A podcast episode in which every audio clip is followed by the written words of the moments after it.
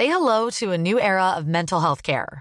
Cerebral is here to help you achieve your mental wellness goals with professional therapy and medication management support. 100% online. You'll experience the all new Cerebral Way, an innovative approach to mental wellness designed around you. You'll get a personalized treatment plan from a therapist, prescriber, or both in a safe and judgment free space. Your cerebral therapist or prescriber will outline a customized plan with clear milestones along the way so you can get to feeling your best. With Cerebral, you're not alone in your mental health journey. We're here to empower you to live a fulfilling life. So take that first step towards a brighter future and sign up today at cerebral.com slash podcast and use code ACasts to get 15% off your first month. Offer only valid on monthly plans. Other exclusions may apply. Offer ends July 31st, 2024. See site for details. Life is made up of many gorgeous moments. Cherish them all, big and small, with Blue Nile. Whether it's for yourself or a loved one, Blue Nile's unrivaled selection of expertly crafted fine jewelry and statement pieces help make all your moments sparkle. Blue Nile's experts are on hand to guide you, and their diamond guarantee ensures you get the highest quality at the best price. Celebrate a life well lived in the most radiant way and save up to 30% at BlueNile.com. That's BlueNile.com. Bra.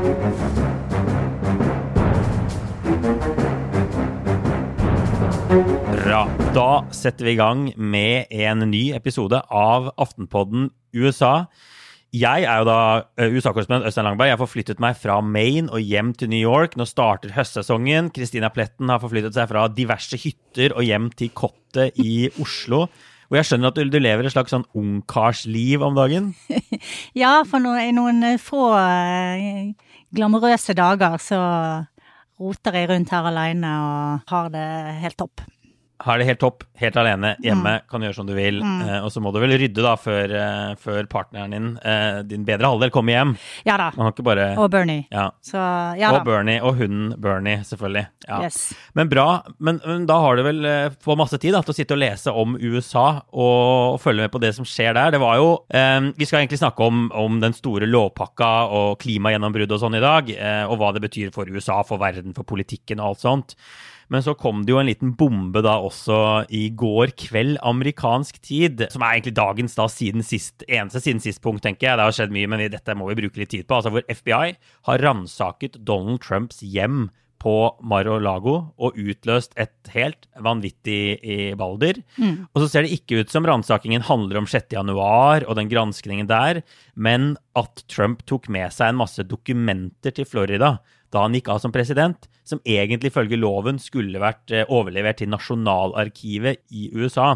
Eh, og det er jo et tegn på Trumps problemer. Det er så mange etterforskninger at når det kommer et sånt raid, så vet vi ikke, vi aner ikke hvilken sak det er, før liksom, noen journalister får ringt litt rundt og, og funnet ut og, og kommet til bunns i det her. Men, men Donald Trump gikk selvfølgelig i totalt altså, angrep mot demokrater, mot FBI, mot alle, kaller dette politisk med en gang, og fikk masse støtte av sine egne, egne folk på Twitter i går. Men, eh, men det er oppsiktsvekkende, det som skjedde.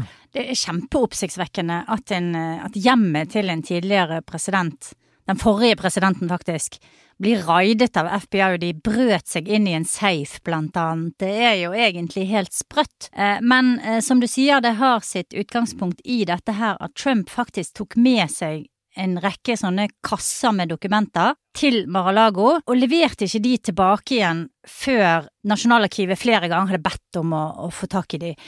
Og det er jo da ting som kan tyde på at de ikke inneholder all den informasjonen som var forventet. Dette er gjetninger fra min side, men siden de eh, må jo ha fått tillatelse fra ganske høyt hold for å gjennomføre en sånn aksjon.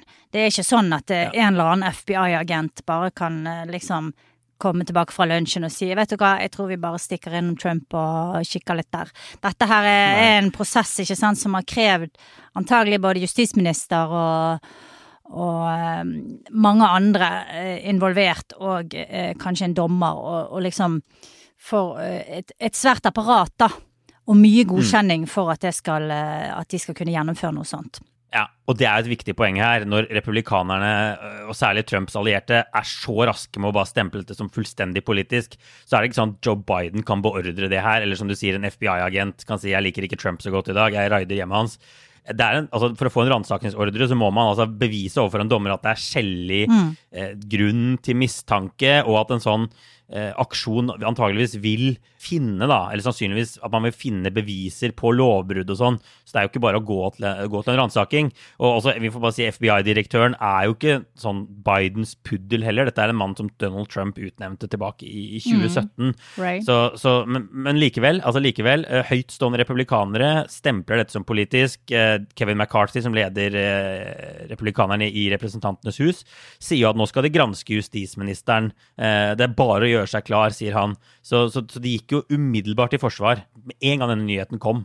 Ja, og så er det jo noe med at dette passer jo veldig godt inn i det narrativet som Trump nå har holdt på med i, i jeg vet ikke, fem, seks, syv år, at det er en heksejakt på han at uh, the deep state, som man kaller det, er ute etter han, ikke sant. Og det at uh, eh, FBI nå går inn og gjør noe sånt, det passer jo òg inn i, i Trumps fiendebilde om FBI. Han har kritisert de kjempelenge, mm. sant. De var jo også involvert i den Russlandsetterforskningen. Og, eh, men jeg tenker at for andre republikanere så må jo dette også være litt sånn vanskelig og kanskje litt nervepirrende, fordi at de vet jo ikke helt hva Trump egentlig har gjort. Eh, vet, men det vi vet er jo sant at på 6. januar så, så var det eksempel eh, ingen tekstmeldinger, ingen eh, telefoner. Altså hele loggen fra den dagen var vekke. Eh, så vi vet jo at det har forsvunnet annen informasjon da som skulle ha vært lagret etter loven. Så der er jo slags, eh, et slags mønster i dette her som er vanskelig for republikanerne å forsvare. Så de kan liksom hyle skrike om, om urettferdighet og heksejakt, men, men, jeg tror de skal være litt forsiktige, da.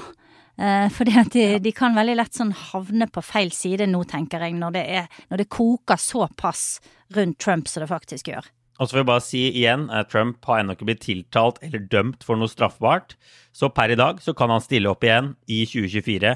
Men dette viser jo da at det er masse etterforskninger på gang mot ham, mm. Eh, og at det er, liksom mange steder han kan bli angrepet fra. Det er ikke, absolutt ikke bare 6. januar. Det er jo et av de stedene hvor de kanskje har kommet kortest, eller hvor det er veldig uklart om de, tatt, om de, har, om de bygger en stor sak mot han i Justisdepartementet, da, eller om det bare er i denne komiteen i Kongressen som, mm. som de driver og gransker.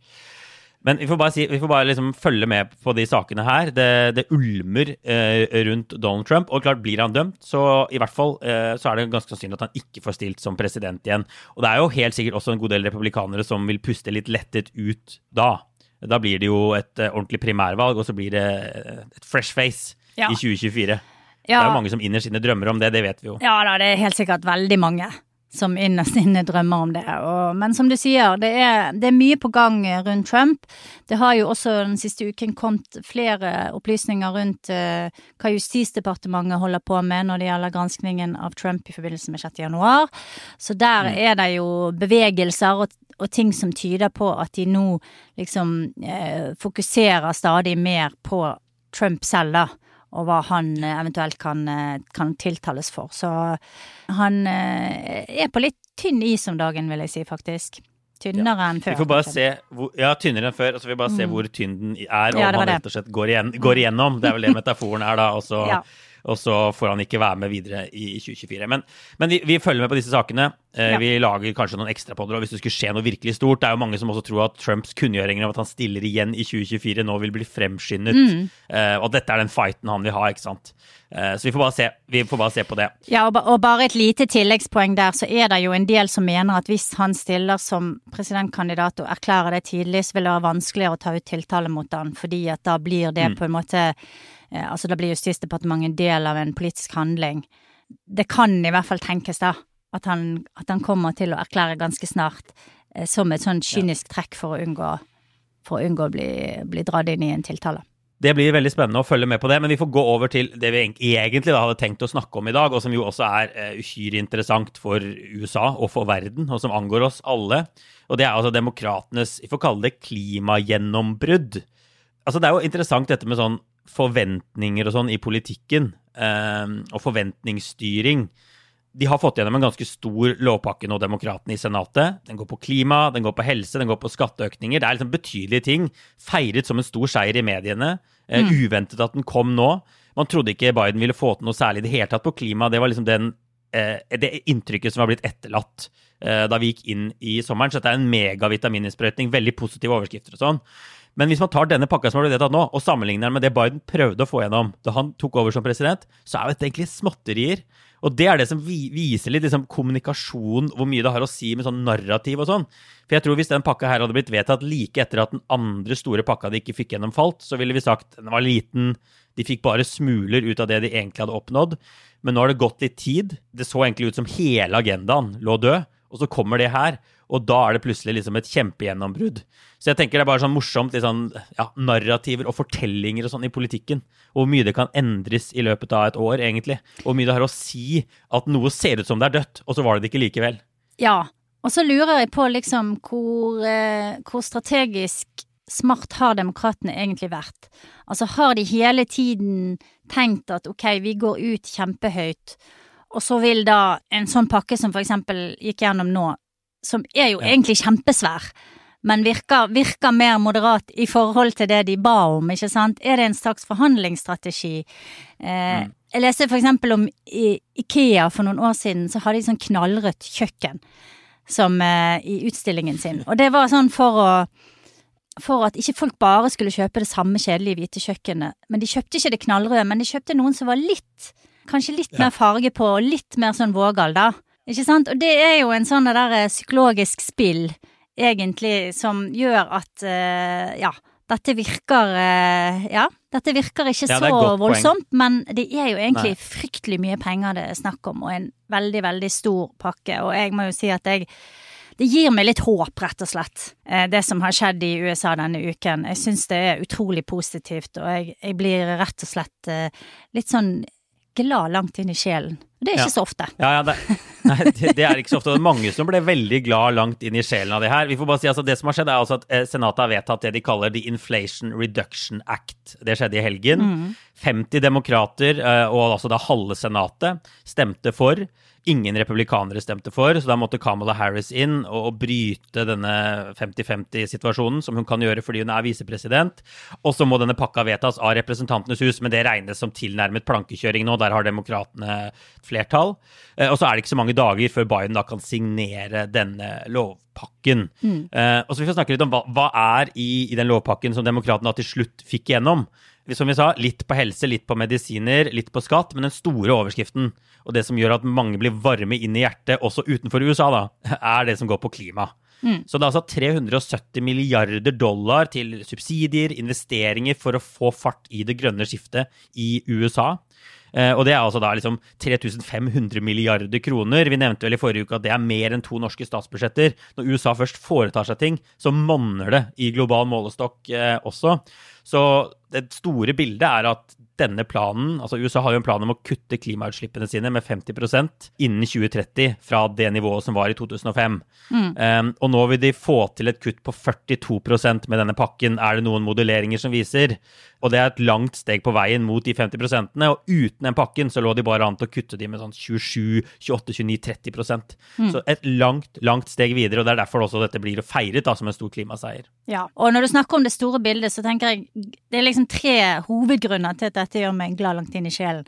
Eh, det første er at jeg tror at dette her vil være med på å gi en demokratisk backing for klimatiltak i USA som ikke har vært der før. Sant? Det har ikke vært flertall i folket, eller tilnærmet flertall engang, for uh, å liksom nærme seg det grønne skiftet. Det tror jeg kan endre seg med denne pakken her. Det andre er at det vil drive frem ny innovasjon i USA, og ingen land i verden er bedre på innovasjon enn USA. De er fortsatt helt mm. overlegen der. Eh, det kan eh, gjelde batteriteknologi, solceller, eh, alternativ energi som vi ikke holdt på å si, har utviklet ennå, eh, karbonfangst osv. osv. Mm. Jeg tror det kan komme masse fra amerikanerne de neste årene, og det kan bety mye for hele verden.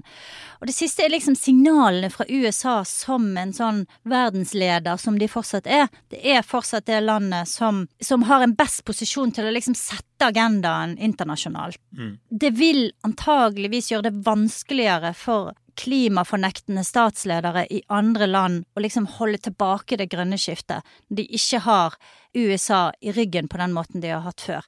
Så de tre tingene eh, tror jeg er ekstremt viktig, og det er et sånt vendepunkt som når man går 50 eller 100 år frem i tid, når man ser tilbake på denne tiden, så vil kanskje dette her stå frem faktisk som et sånt endelig vendepunkt. Kan vi i hvert fall håpe, da. Ja. Vi får håpe det, at uh, når, Ja. uh, når dine barnebarn en dag uh, ser tilbake på dette her, så, så kan de høre på denne podden. Og så kan Ja, de tenke at der, uh, der skjedde det noe stort. Ja, for altså, eh, Chuck Schumer, som leder Demokratene i, i Senatet, han gikk ut og slo virkelig på paukene, som det heter, og, eh, og, og snakket om at de har changed the world med denne, med denne lovpakken. Han kalte den liksom den største, altså boldest climate package in US history. Så vi kan jo bare liksom ta litt mer. Du sier det kan endre verden fordi USA får mer kredibilitet bak kravene i, i klimaforhandlinger fremover. Det er et land som faktisk gjør noe, og som driver det fram. Du har innovasjon.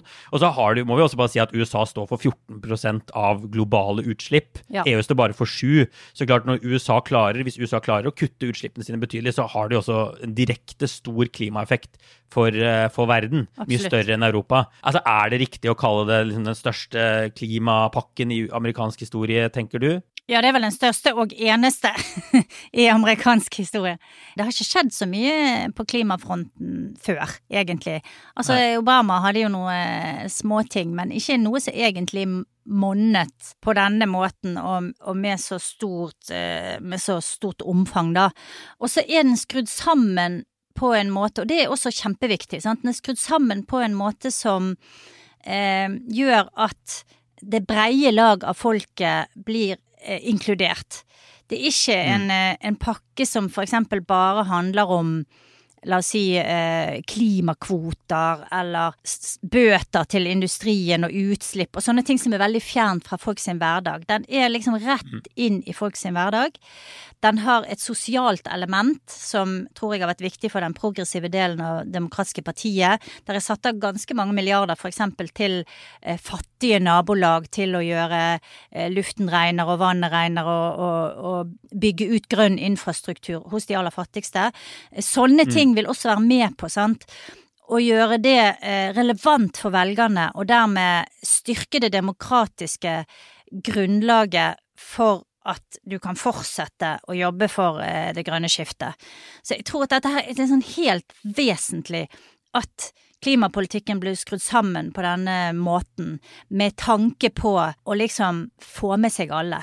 Ja, for vi bare si det da, altså Her er pisken mer eller mindre lagt bort. Det er ikke mye pisk i denne, denne pakka. Det er gulrot på gulrot på gulrot. Ja. Det er jo sånn at Økonomenes våte drøm er jo en skatt på utslipp, et kvotesystem sånn som EU har fått på plass f.eks. Det er ingenting sånt her i den pakka her. Det er penger eh, til altså subsidier og investeringer og sånn. Det, det, de, det er det de har gått all, all in på. Men du tenker det er liksom at de har ikke så mye valg. Da. Det, var jo ikke noe, det er jo ikke noe støtte for en, en, en utslippsskatt i USA uansett. De er veldig langt unna å få gjennom noe sånt. Så, så det er jo dette de kan få til òg. Men du mener at dette er riktig første steg, og man må kanskje gjøre dette først før man kan få det andre? Ja, jeg tror det er kjempeviktig, og det, eh, New York Times hadde en veldig god sak eh, der de skrev om akkurat dette, og skrev at dette er liksom en strategisk helomvending fra å liksom bare snakke om straff og bøter og, og, og klimakvoter og sånne ting, til, altså, altså pisk, til å gå all in på gulrot og si at her må vi eh, gi folk en grunn,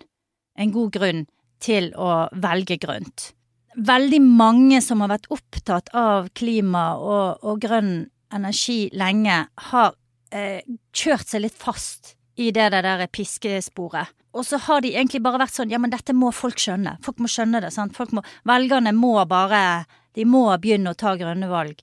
Men det har ikke skjedd. Nå har vi hatt dette her som et viktig tema politisk, i hvert fall i 20 år. Og det har ikke skjedd. Og det har i hvert fall ikke skjedd noe politisk i USA. Så vrir man på det på denne måten, og jeg syns det er et kjempebra eh, skritt fremover. Jeg tror at dette er noe som også eh, faktisk norske myndigheter og europeiske myndigheter kan lære noe av.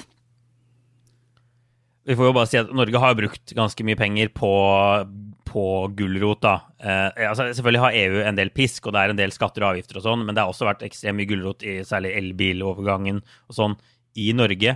Men, men, vi kan jo bare snakke litt mer om hva som faktisk er i den pakken. Da. Gå inn i noen av detaljene. Vi kan ikke nevne alle de tingene de gjør, men, men én viktig planke er jo da subsidier til utbygging av fornybar energi i Norge. Nei, i USA, selvfølgelig. Vi snakker om USA. Vind, sol, mm. eh, denne type ting. Her har det allerede skjedd en del, men de er jo avhengige av å få med seg republikanske stater da, på disse tingene. Det er jo der veldig mange av disse ressursene er. Så det er jo fortsatt noen spørsmål rundt hvor effektivt dette vil bli. Men jeg tenker jo liksom, når det er sagt, at det har Vi ser jo at det er masse fornybar utbygging i, også i republikanske stater i USA. Og det partiet er jo fortsatt et businessparti. Og så lenge det er snakk om måte, arbeidsplasser og penger og sånn, så nærmest klarer man ikke å si nei. Man trenger på en måte ikke å tro på klimaendringer engang for å si ja til å bygge ut en stor, en stor vindpark. Jeg skal ut i det, i det, republikanske USA nå senere i uka uh, mm. og skrive litt om, om, de tingene her. Og når det nå blir enda mer lønnsomt da med den pakken, så er jeg sikker på at også republikanske stater, hvor det er veldig mye vind, f.eks. vindressurser og sånn, vil bli med på dette, på dette, skiftet. Eller i hvert fall ikke hindre det, da. Det er penger ja. de kan få, og arbeidsplasser ja, altså, de kan få. En av de tingene som ligger i denne pakken, det er en, en garanti som går over ganske lang tid, om skattefordeler. Tidligere så har det vært sånne korte eh, korte lovnader. Sant? Ett eller to år så får du eh, skattefritak for utbygging av grønn energi. For eksempel, det er det jeg kaller subsidier. Det er jo egentlig en ja. skattefordel. ja. Det denne pakken gjør, er at den sier at minst ti år. Mm. I minst ti år så vil du få disse skattefordelene, som gjør at for investorer sant, så er det utrolig mye mer attraktivt, selvfølgelig, for da har du en uh, mye lengre horisont. Du kan, uh, du kan uh, gjøre investeringene dine på et mye tryggere grunnlag, da. Så det er viktig. Og så har de tatt hele kjeden, sant. De, de eh, gir også penger til folk som vil eh, starte bedrifter som f.eks. utvikler solcelleteknologi eller batteriteknologi eller karbonfangstteknologi. De skal gi subsidier til husholdninger som vil eh, ha solceller på taket, eller kjøpe eh, et eh, varmepumper, for eksempel, som veldig få amerikanere bruker. Det er jo noe vi har mye av i Norge. Men varmepumper skal bli sponset noe voldsomt. Induksjonskomfyrer, eh, en annen ting. Sånn der eh, Som også fins i de fleste norske hjem nå, men eh, som nesten ingen amerikanere har, tror jeg. De bruker jo fortsatt gass. Det er ting som du bruker hver dag. Det er ting som du kan se i hjemmet ditt når du skrur på en varmepumpe eller bruker en induksjonskomfyr. Du vet at du har fått det rimeligere. Så de har liksom tatt hele spekteret fra forskning og utvikling via eh, produksjon og store eh, kraftanlegg mm. til husholdninger og helt sånne banale ting som komfyren din. Ja. Og så er det sånn, Vi kan komme tilbake til kritikken etter hvert også, men, men noe av ja. den kanskje mer substansielle kritikken er jo at noen av disse tingene ville skjedd uansett. Det vil bli satset penger på. Det vil jo bli litt sånn pengefest her. Det, noen kan tuske til seg penger. Det vil bli investert i ting som ikke fører, fører hen. Eh, og som sagt, eh, folk som allerede ville gjort dette, får nå ekstra mye penger for å gjøre en endring som allerede skjer. Så det er noe kritikken. Og vi får også bare si, det er også inne ganske mye subsidier til elbiler her. Eh, altså Man kan få 7500 dollar, altså rundt 75 000 kroner, i, i skattefradrag når man, når man kjøper elbil. Men også her er det noen skeptikere som sier Fordi dette er jo Joe Biden og demokratene, og det ligger inne en del sånne proteksjonistiske tiltak her. Som, så en god del av bilen må være bygget i USA, batteri må være mm. bygget i USA. Så noen sier én, eh, det finnes kanskje ikke, ikke, så veldig mange biler som kvalifiserer til dette skattefradraget. Og, og, og to, problemet i dag, vi har snakket om det før, er jo at det ikke er nok elbiler å kjøpe. Eh, egentlig ikke at, eh, at det er masse elbiler som står klare i, i fabrikkene som ingen vil ha. Og at det rett og slett ikke er sikkert at det blir så mye billigere og at dermed produsentene isteden bare vil heve prisene. Så det er en sånn skeptiske stemmer der ute. så Det er jo også litt sånn som har, det blir en debatt om hvor stor klimaeffekten vil bli. da. Men ingen tvil ja. om at dette vil gi en boost til elbilovergangen med disse subsidiene i så lang tid fremover på å kjøpe elbiler. Og det er ikke bare nye elbiler. Du får også eh, skattefradrag på brukte hvis du kjøper en brukt elbil, og det er viktig. 4000 dollar. Mm. Eh, og så er det et tak. Og det var jo noe av det vi ikke hadde i Norge. Eh, der er et eh, tak på inntekt, altså du må tjene under 150 000 dollar i året for å få disse godene. Og du kan ikke kjøpe en bil som koster over 80 000 dollar. Sånn at det er, det er liksom også eh, skreddersydd for middelklassen spesielt, da, tenker jeg. Og ikke for, for, folk med veldig masse penger, som da kan få statsstøtte til å kjøpe seg en kjempedyr Tesla, ikke sant? Eller mm. noe lignende. Så, så, det tror jeg er eh, veldig viktig. Og så tenker jeg at den der kritikken der om at ikke det finnes nok biler og bla, bla, bla, den er litt søkt, fordi at amerikansk industri er utrolig tilpasningsdyktig, og det er vel nesten ingen, bortsett fra kanskje kineserne, da, som kan skalere opp mm. og kaste seg rundt så fort som amerikanerne kan. Mm. Og det at de krever at en del av, av eh, batteriet og bilen skal være produsert i USA, det henger jo sammen med den pakken som Kongressen eh, vedtok for bare noen uker siden, som heter CHIPS, som mm. handler om å liksom sikre eh, forsyningskjeden, ikke sant? At man ikke skal være for avhengig av Kina. Det samme gjelder solceller. Veldig mye av solcellepanelene produseres i Kina, og det har gitt kineserne en enorm fordel. Barack Obama hadde noen forsøk som ble litt sånn eh, halvveis mislykket. Det var blant annet et selskap som het Solyndra, som fikk masse penger fra Obama-administrasjonen, så gikk de konkurs. Og så laget republikanerne en kjempestor sånn eh, fiaskoskandale ut av det, da, og se her, de spyr ut penger på grønn energi, og det ja. folk bare stjeler det og sløser det bort. Penger, ja, ja. ja, Og så liksom falt, kollapset litt hele solcellemarkedet, eller solcelleproduksjonen i, i USA etter det. Men det er jo klart at i et land med, spesielt med så mye sol. altså, det er kjempestore områder i USA som har eh, steikende sol året rundt. Og veldig store områder, store bygninger med kjempestore flate eh, takarealer. Så det er et gigapotensial for sol. Mm. Men det må bygges ut, og de må gjøre det på hjemmebane. De må liksom de må hente hjem produksjonen og, og utviklingen. Så jeg tror summa summarum så er dette her veldig smart skrudd sammen. Jeg hører at jeg er veldig lite kritisk, men uh, det, er sikkert, det er sikkert svakheter med dette her. Men, men jeg syns at det uh, av, av, veldig mye som har vært vedtatt i USA de siste, de siste årene det er, bra, det er en bra pakke, altså. For den har mm. litt av alt, og den, er, den, er også, den inneholder også kompromisser. Den spriker ikke i alle retninger. Nei. Vi får snakke litt om kanskje et av kompromissene, da, og en mann som heter Joe Manchin, som jo stadig er et navn som mm. stadig dukker opp, også på denne podkasten. Eh, den kanskje mest konservative demokraten i Senatet, altså fra West Virginia. Alle trodde jo han sa det blir ikke noe deal, det blir ikke noe mer politikk i det, i det, i, før, før mellomvalget til høsten. Hvor men hvor han plutselig går ut og sier vi har fått en deal, jeg kan være med på klima likevel, eh, og få til noe på klima. Eh, at, men dette er jo liksom, det har vist seg når vi ser ned i detaljene at det er en god gammel hestehandel som ligger bak der. For Joe Manchin mm. har fått gjennom mer oljeboring, bl.a. i Alaska, Mexico, Gulfen. Og så har han ikke minst fått gjennom en sånn gassrørledning som skal gå fra West Virginia, hans hjemstat, over Appalachia-fjellene og ned i Virginia ut på østkysten og sånn. Og det er jo selvfølgelig ting som nå får en del negativ oppmerksomhet blant klimaaktivister og sånn. Men det ser jo ut som måte, det, den store konklusjonen som mange trekker her, også blant demokrater, at de vil ikke fokusere på det her. Dette Joe Manchin har fått gjennom, er ikke på langt nær nok til å ødelegge de positive klimaeffektene av resten av hele denne pakken.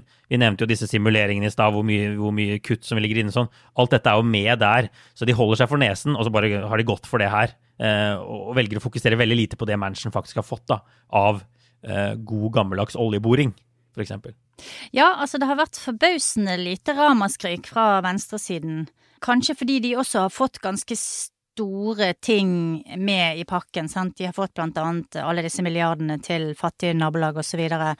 Mm. Eh, men det er jo sånn i amerikansk politikk at du er nødt til å inngå kompromisser for å få noe gjort.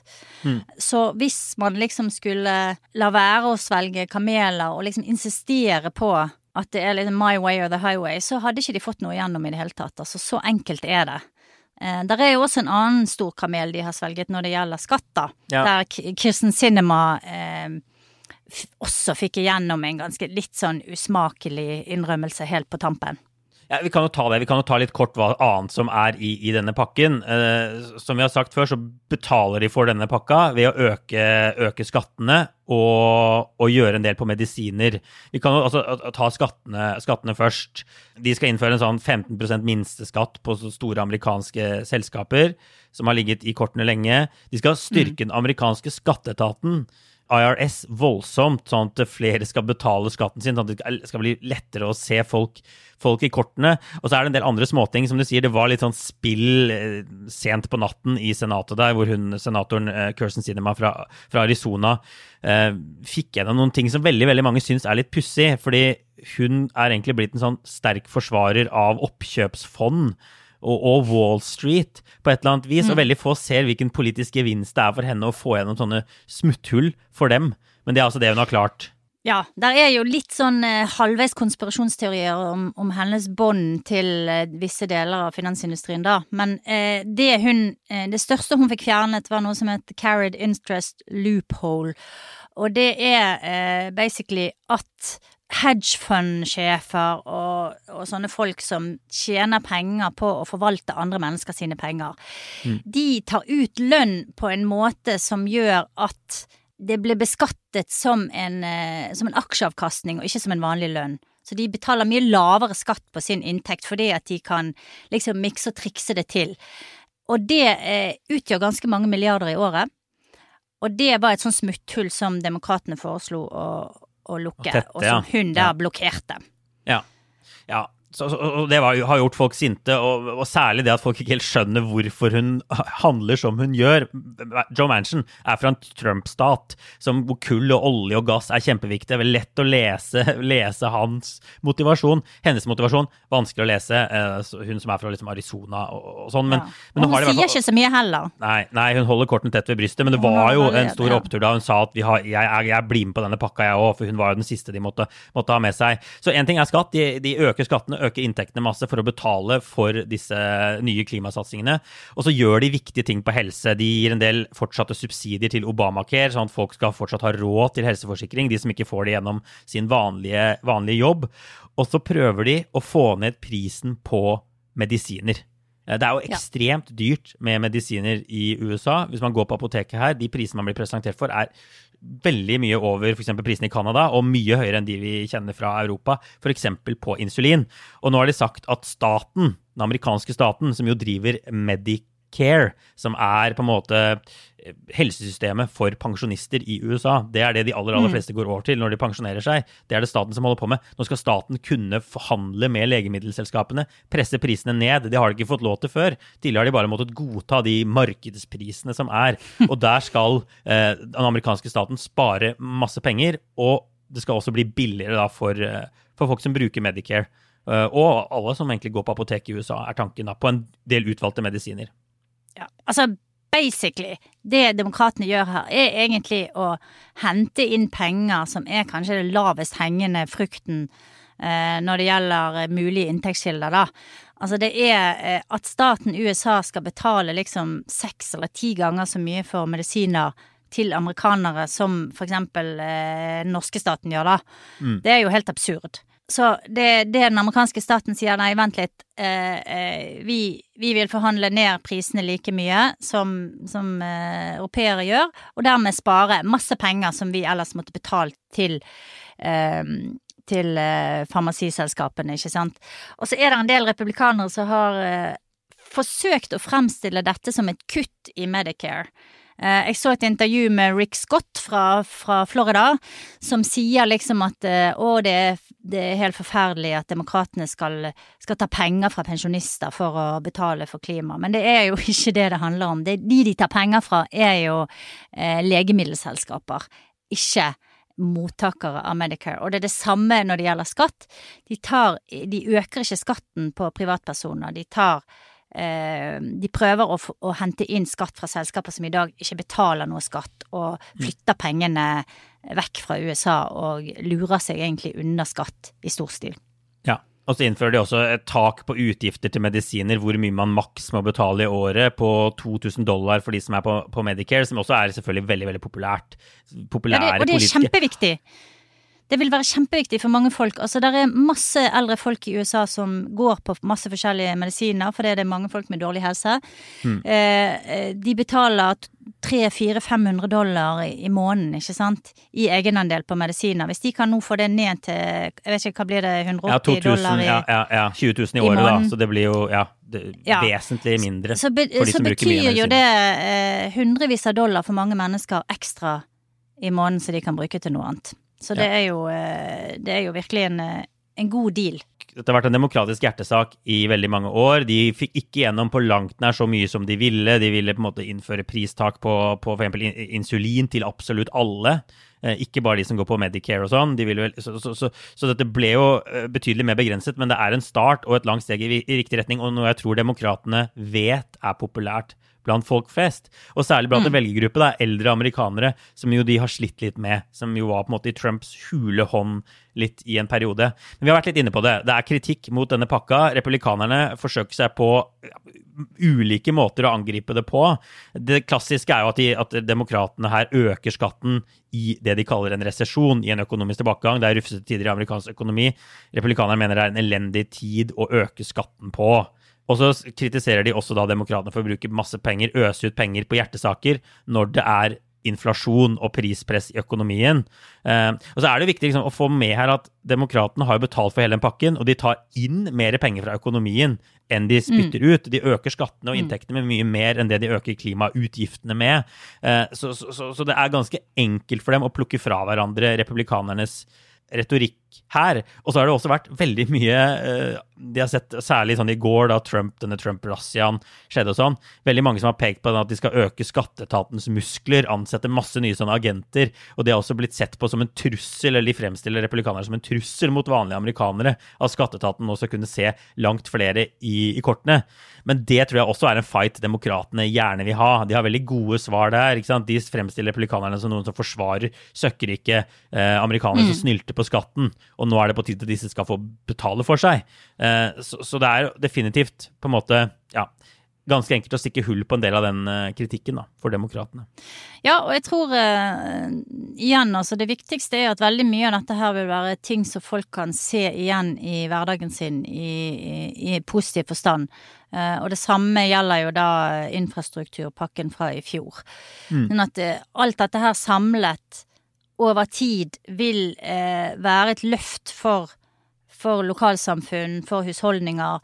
Men det store spørsmålet er jo kommer det løftet tidsnok til å redde demokratene og Biden fra, eh, fra politisk tap, da. Ja. Altså, kan man liksom se effekten av det raskt nok til at, til at det kan bære, bære Biden eksempel til en, eh, til en seier i 2024? Ja, Det er et stort spørsmål. Mange av disse tingene mm. ligger et stykke ut i tid. Dette pristaket på medisiner og alle disse tingene her. Så det, ja, det, det blir interessant å se. Uh, at vi ikke får en situasjon hvor demokratene skryter av masse ting som folk ikke får på lang tid. Det kan bli et problem for dem. Og så heter jo hele den pakka Inflation Reduction Act. Og nå har økonomer rundt omkring i USA sittet og regna, og denne, denne pakka betyr er uklart hva den vil bety for prisveksten i USA, både på kort og, og lang sikt. Men som vi har sagt, den øker. Du får få masse satsinger uten å øke inflasjonen. Spørsmålet er om den vil altså, redusere prisveksten i noen særlig grad. Det ser det ikke ut som. Så det er mulig at det, det de burde kalt den, er Deficit Reduction Act. For det som er ganske klart, er at den vil redusere det amerikanske budsjettunderskuddet over tid. Som jo er en sånn sak som en god del er litt sånn opptatt av, da. Men eh, Samtidig så er jo det sånn at eh, inflasjon påvirkes også av, av psykologi. Uh, og nå kom det jo nye tall denne uken som viser at folk forventer at uh, inflasjonen skal falle.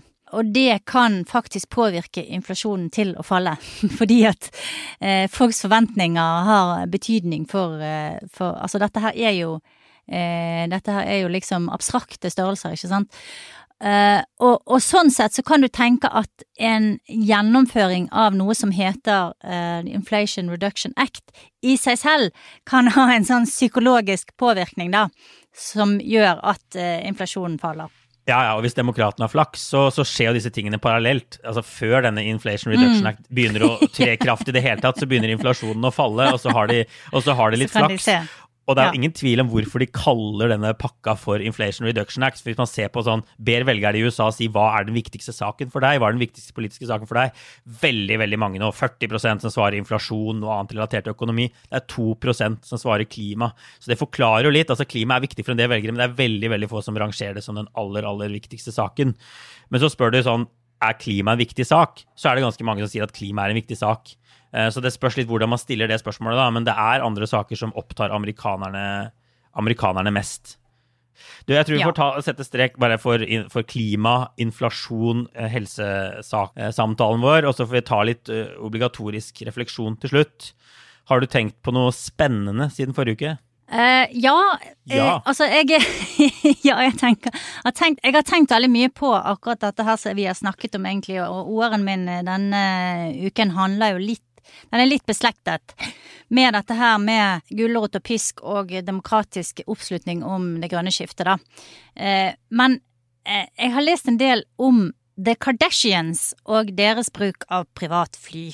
Eh, fordi at det har vært en sånn liten miniskandale med eh, Kylie Jenner, som visstnok er en av disse Jeg er ikke veldig godt bevandret i denne her familien, men det er en av, av disse søstrene, tror jeg, eh, som har tatt fly fra liksom en del av eh, Los Angeles til en annen nabolag, Oi. da. Og, og vært oppe i luften i tre minutter. Eh, og sluppet ut selvfølgelig helt ekstremt mye CO2 med å ta sånn Ikke bare sånn bitte lite fly, men en ganske sånn stor sånn private jet. Eh, og, og, og, og kunne ha kjørt samme strekningen på jeg vet ikke, sånn 25 minutter, liksom. Så det er helt absurd. Eh, Ja. Men grunnen til at dette har kommet frem, det er en Twitter-konto som heter Celebjets, som legger ut hele tiden, følger med på sånne der privatfly til, eh, til kjendiser, da. Og legger ut sånne der eh, eh, korte meldinger om hvor de har flydd og et lite kart og sånn. Jeg tenker jo at det der at det fins en elite som bruker så vanvittig mye, eller slipper ut så utrolig mye CO2 gjennom å bruke, eh, kjøre rundt i sånne svære yachter og privatfly. Det er jo egentlig helt absurd oppi i hele denne her debatten, og det er faktisk en ganske stor del av utslippene. Det er ikke sånn at det, det bare er at det, det Dråpe i havet? ja, en dråpe i havet, takk. Så jeg har gått og tenkt på sånn, hva hvis hvert menneske fikk en, en utslippskvote? Ja, altså hvert det- menneske på hele jorden måtte ha en, ut, en, en lik utslippskvote, da. Og så måtte liksom Kylie Jenner, hvis hun absolutt da ville fly fra ene eh, enden av Los Angeles til andre, ja ja, så fikk hun liksom kjøpe klimakvoter fra folk i Afrika eller et eller annet Ja. sted som så ikke slipper ut så mye om de hadde levd liksom i 5000 år. Selvfølgelig går ikke det an, men altså det er noe med eh, den der eh, urettferdigheten i dette her. Eh, og hvis du husker i, i, til klimamøtet i Skottland i fjor, så kom jo liksom sånne kjendiser i privatfly flyende dit for å være med og stå liksom og posere og late som de var opptatt av det grønne skiftet. Og så eh, flyr de liksom frem og tilbake i sånne der enorme luksusfly. Altså det er så absurd, og det er provoserende for veldig mange. Ja, men jeg tenker virkelig at dette Ja, ja. her er noe som, eh, som eh, Det er viktig, altså. Og det er, det er viktig for alle som er opptatt av klima, å skjønne at det er en demokratisk dim dimensjon med dette her, som ikke kan ignoreres. Du Nei. må ha folk med deg, og da må, eh, da må liksom alle ta ansvar for det. Eh, både Mm. de som skriver lover, og de som er influensere og kjendiser, og hva det nå er. Så det, det var en liten rant fra meg, men Det var en eh, obligatorisk rant i dag, men, En men, som, som ikke munner ut i en anbefaling annet enn kanskje å sjekke ut Celebjets, var det ja, det het? altså den er litt artig, for der kan du liksom sitte og være litt sånn stalker, da. Og Ja, se på hvor ja. disse privatflyene suser rundt. Ja.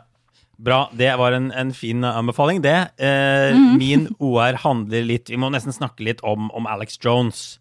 Eh, som jo er denne konspirasjonsteoretikeren bak dette nettstedet Infowars. Og han har vært innom utallige konspirasjoner gjennom sin lange karriere, men en av de mest kjente, og som det er mye oppmerksomhet rundt nå, er jo eh, det han har sagt om denne skytingen på denne skolen Sandy Hook. Det var vel tilbake i 2012.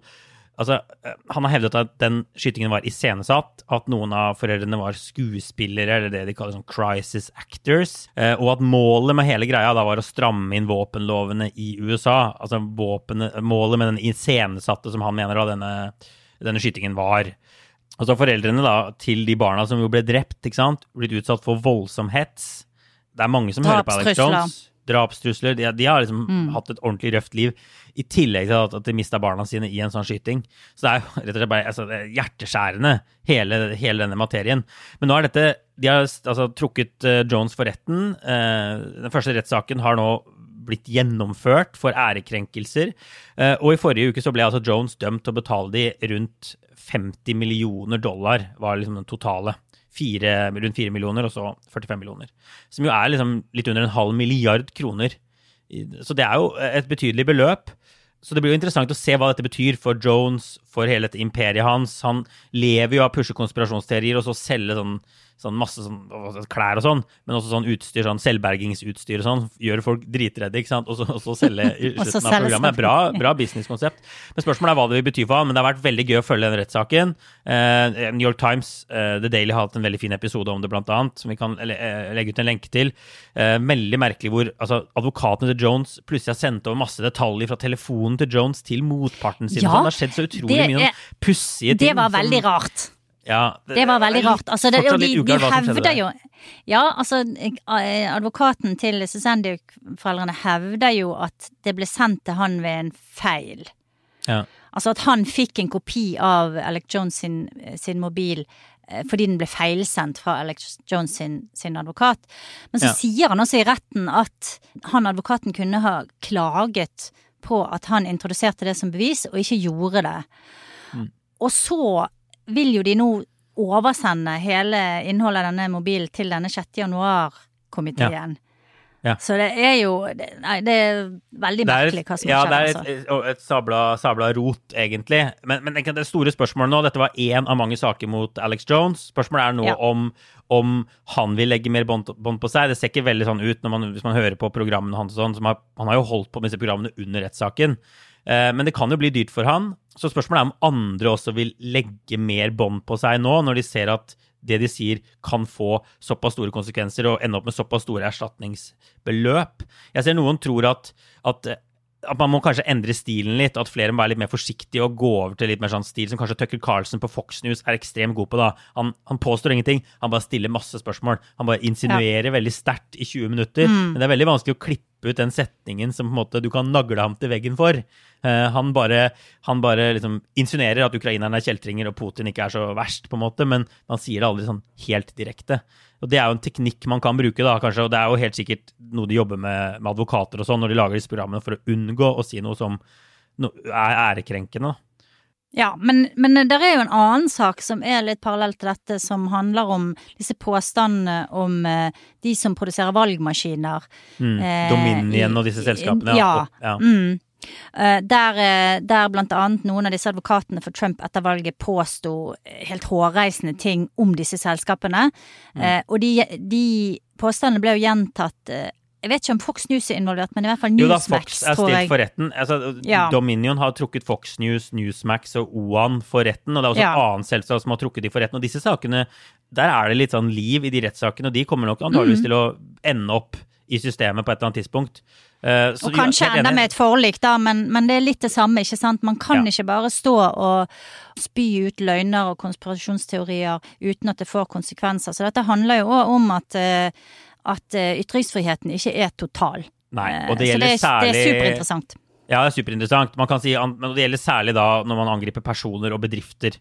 Eh, ja. Man kan si omtrent hva man vil om et virus som covid, påstå at det ikke eksisterer og sånn, men, men, når man angriper foreldrene mm. til noen som ble drept i en skolemassakre, så er det andre regler som gjelder. Eh, ja. Så det, ja, vi, vi, får bare følge, følge, dette, følge, dette, videre og se om, om, det er tegn til at noen av disse folka legger litt mer bånd på seg etter det her, eller om de bare dundrer på videre og regner med at de tjener inn det de har tapt i rettssalen. Men jeg tror vi får sette strek der, Kristina. Uh, vi får bare si til alle, bli med i Facebook-gruppa vår. Det er mye aktivitet der for tiden. Fortsatt friske diskusjoner. Jeg tror kanskje det er fordi USA er på vei inn i en så spennende høst med mellomvalg og sånn, at det er sånn ekstra interesse. Men som sagt, bare, bare meld dere inn, uh, og så skal vi bare følge, følge ting, ting videre der. Og så tenker jeg vi bare sier at vi snakkes igjen om en uke, og at alle får ha det bra inntil da. Ha det, ha det!